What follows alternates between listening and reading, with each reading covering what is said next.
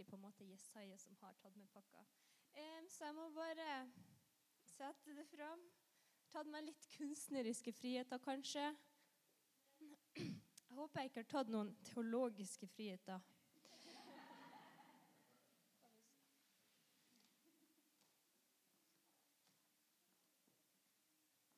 Ok. Og det kunne jo vært, siden vi er det fjerde søndag i advent, men det har ingenting med det å gjøre. Um, dagens bibeltekst er fra Jesaja. Og eh, dere vet Jesaja, profeten eh, som har skrevet i boka Jesaja. Eh, han som sa at det var en jomfru som skulle bli med barn, og hun skulle, hun skulle kalle han Immanuel, Gud med oss. Så dagens bibeltekst den er fra Jesaja. Og jeg bare hopper rett i det. I Jesaja 9, vers 6, så står det For et barn er oss født, en sønn er oss gitt. Herredømmet er på hans skulder. Hans navn skal være underfull rådgiver, veldig Gud, evig far og fredsfyrste. Og Jesaja han var en profet som levde for eller, ja, snart 3000 år siden, så ca. 700 år før Jesus ble født. Eh, så det han sa, det sa han jo lenge før Jesus kom. Det var en profeti, det var en, et, en beskjed om noe som kom til å skje. Eh, så han var en budbringer fra Gud om det som skjer, eller det som skjedde for 2000 år siden, når Jesus ble født, og han ble gitt de her fire navnene. Um, Jesaja sin bok i Bibelen den er full av profetier om Messias. Og det kan være skikkelig trosstyrkende å lese om det som skulle skje, og som skjedde. Det er jo sånn vi vet om profetier på en måte oppfylles eller ikke. Det er jo om de skjer eller ikke. Og de skjedde. Så vi kan se at Jesaja han fikk beskjed fra Gud 700 år før det skjedde, og så skjedde det. Og så eh, viser det jo at Gud faktisk har kontroll overalt. Um, de her fire navnene, det vi skal gjøre nå, er at hvert av navnene, for hvert av navnene så skal vi åpne en gave, og så skal vi se hva som er inni. Er dere klare for det? Det første navnet er underfull rådgiver. Skal vi se da hva som kan være oppi her.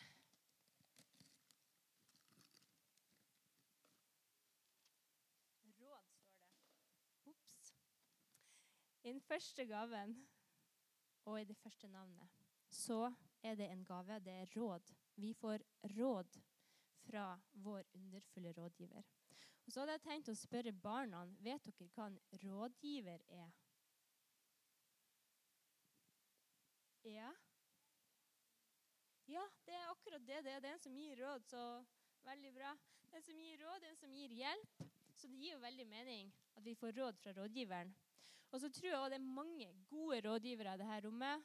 Mammaer f.eks. De bruker å være veldig gode rådgivere. Og pappaer. Det kommer jo litt an på hva man trenger hjelp med. Kanskje um, Ja. En rådgiver er en som hjelper. Og Jesus han er den underfulle rådgiveren. Og han er underfull fordi han er Gud. Han er allvitende. Og tenk at vi kan be skaperen av universet om råd.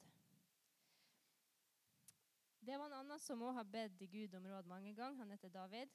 Jeg tenkte bare å lese en salme der han eh, jeg har bedt om råd og han har fått hjelp.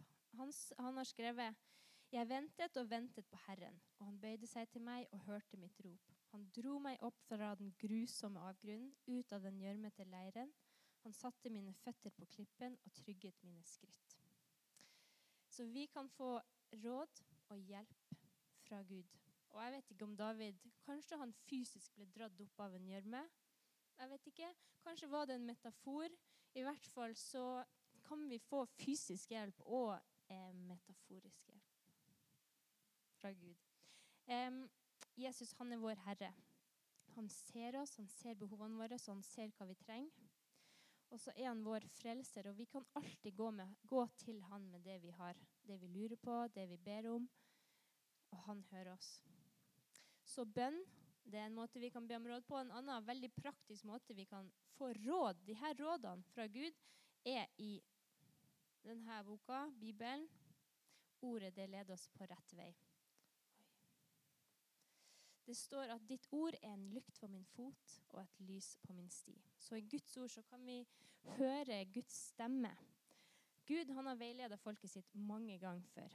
Og karakteren hans, Guds karakter, den blir åpenbar til oss gjennom hvordan han har veiledet og gitt råd til folket sitt og til dem som kom før oss. F.eks. da Josef fikk, han fikk besøk av en engel som sa det barnet som Maria skal føde, det er Guds barn. Så du må ikke skille deg fra henne. Eller jeg husker ikke nøyaktig hva han sa, men det var jo det han mente. Og det var et veldig godt råd. Et annet godt råd var når israelsfolket skulle ut av Egypt. Og Så kom de til Rødehavet, det var stengt, og så sa Gud til Moses du skal løfte staven din over Rødehavet. Og så delte Gud har vi to. Det var et godt råd. Um, så Bibelen den åpenbare Guds råd for oss. Og så står det at ordet er levende og virkekraftig, som betyr at vi kan lese det om og om igjen, og det er fortsatt ny kraft. Den underfulle rådgiveren han gir oss råd gjennom når vi leser Bibelen. Spørsmålet er om vi følger Guds råd, eller om vi stoler mer på oss sjøl. Det kan jo òg være fristende. Men i Bibelen så står det 'Stol på Herren av hele ditt hjerte'. Støtt deg ikke til din egen innsikt. Den allvitende og underfulle rådgiveren han vet bedre enn oss. Han vet bedre enn meg. Han vet bedre enn mammaen min. Og um, ja. Det er den første gaven. Han gir oss råd. Den andre, eller det andre navnet er veldig Gud. Så eh, i denne gaven så er det faktisk ikke en gave til oss. Denne gaven er til Gud. Og oppi her så ligger det ære. Um, englene dem sang 'Ære være Gud i det høyeste'. Vi er invitert til å stemme i med englekoret. Han, Jesusbarnet, er veldig Gud. I en annen oversettelse så står det 'mektig Gud'. Gud han har skapt himmelen og jorda. Han er herrenes herre og kongenes konge. Han er gitt all makt i himmel og på jord. Og Det betyr at i møte med den veldige Gud, i møte med Guds herlighet og godhet, så fins det kun en naturlig respons. Det er en rett respons, og det er å gi Gud ære. Og hva betyr egentlig det? Det betyr å ha ærefrykt for Gud. Og så betyr det å gi lovprisning til Gud. Å frykte Gud og prise Gud. Ok, Så eh, jeg tenkte bare å ta et eksempel på ærefrykt. Eller det å Ja, egentlig ærefrykt. Så la oss si at du skulle få møte kongen i dag, kong Harald. Eh, ja. Og så Da hadde jo du oppført deg litt annerledes enn hvis f.eks. du skulle møte lillesøstera di. Da hadde du oppført deg ordentlig. Du hadde kalt han kong Harald. Ikke bare 'Hei, Harald'. Som Mia, søstera mi, sa til meg. Det er loven, eller jeg vet ikke. Man må gjøre det. Og du hadde f.eks. ikke kilt han under armene. Det hadde du kanskje gjort med lillesøstera di. Du ville hatt respekt for han. Og så er det jo litt annerledes med Gud enn med kong Harald. Fordi Gud har skapt oss, han kjenner oss, og vi får kjenne han. Men i møte med Gud så må vi gi han respekt. Vi må gi han lydigheten vår og lovprisning. Og grunnen til det er at Gud er Gud. Han er veldig Gud, mektig. Han er verdig all vår lovsang og ære. Han er herre over, over hele jorda, og han er vår herre. Og vi ble skapt til å gi Gud ære. Det er den andre gaven. Ære til Gud. Når vi gjør det, når vi gir Gud ære, da, når vi frykter Han og når vi priser Han med livet vårt, da finner sjelen vår sjela vår. En glede. Um, det er stor glede i å gjøre det vi ble skapt til å gjøre. Og nå snakker jeg på et eksistensielt nivå. Det handler om meninga med livet. Så sånn sett er jo denne gaven også til oss. Fordi det er så stor glede i å ære Gud. Og det er den andre gaven i det andre navnet. Det tredje navnet er Evig far. Og denne gaven er til oss. Skal vi se Ser dere?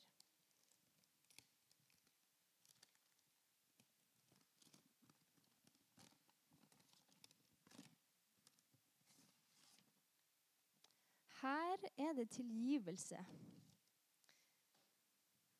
Mm. Det er kanskje den fineste gaven. Har dere fulgt med på snøfall i år? Ja? OK, bra. um, så i den forrige sesongen av Snøfall der var det Vinter som gjorde noe dumt. Han hadde så lyst til å være julenisselærling, sånn at han kunne bestemme. Så Derfor sperra han Julius inne i mørket. Men så angra han seg jo, og så fikk han tilgivelse fra Julius. Og I år så er det Luna som har gjort noe dumt. Og så eh, på en måte, ja, Det ble bare verre og verre, for hun ville jo ikke avsløre det hun hadde gjort heller.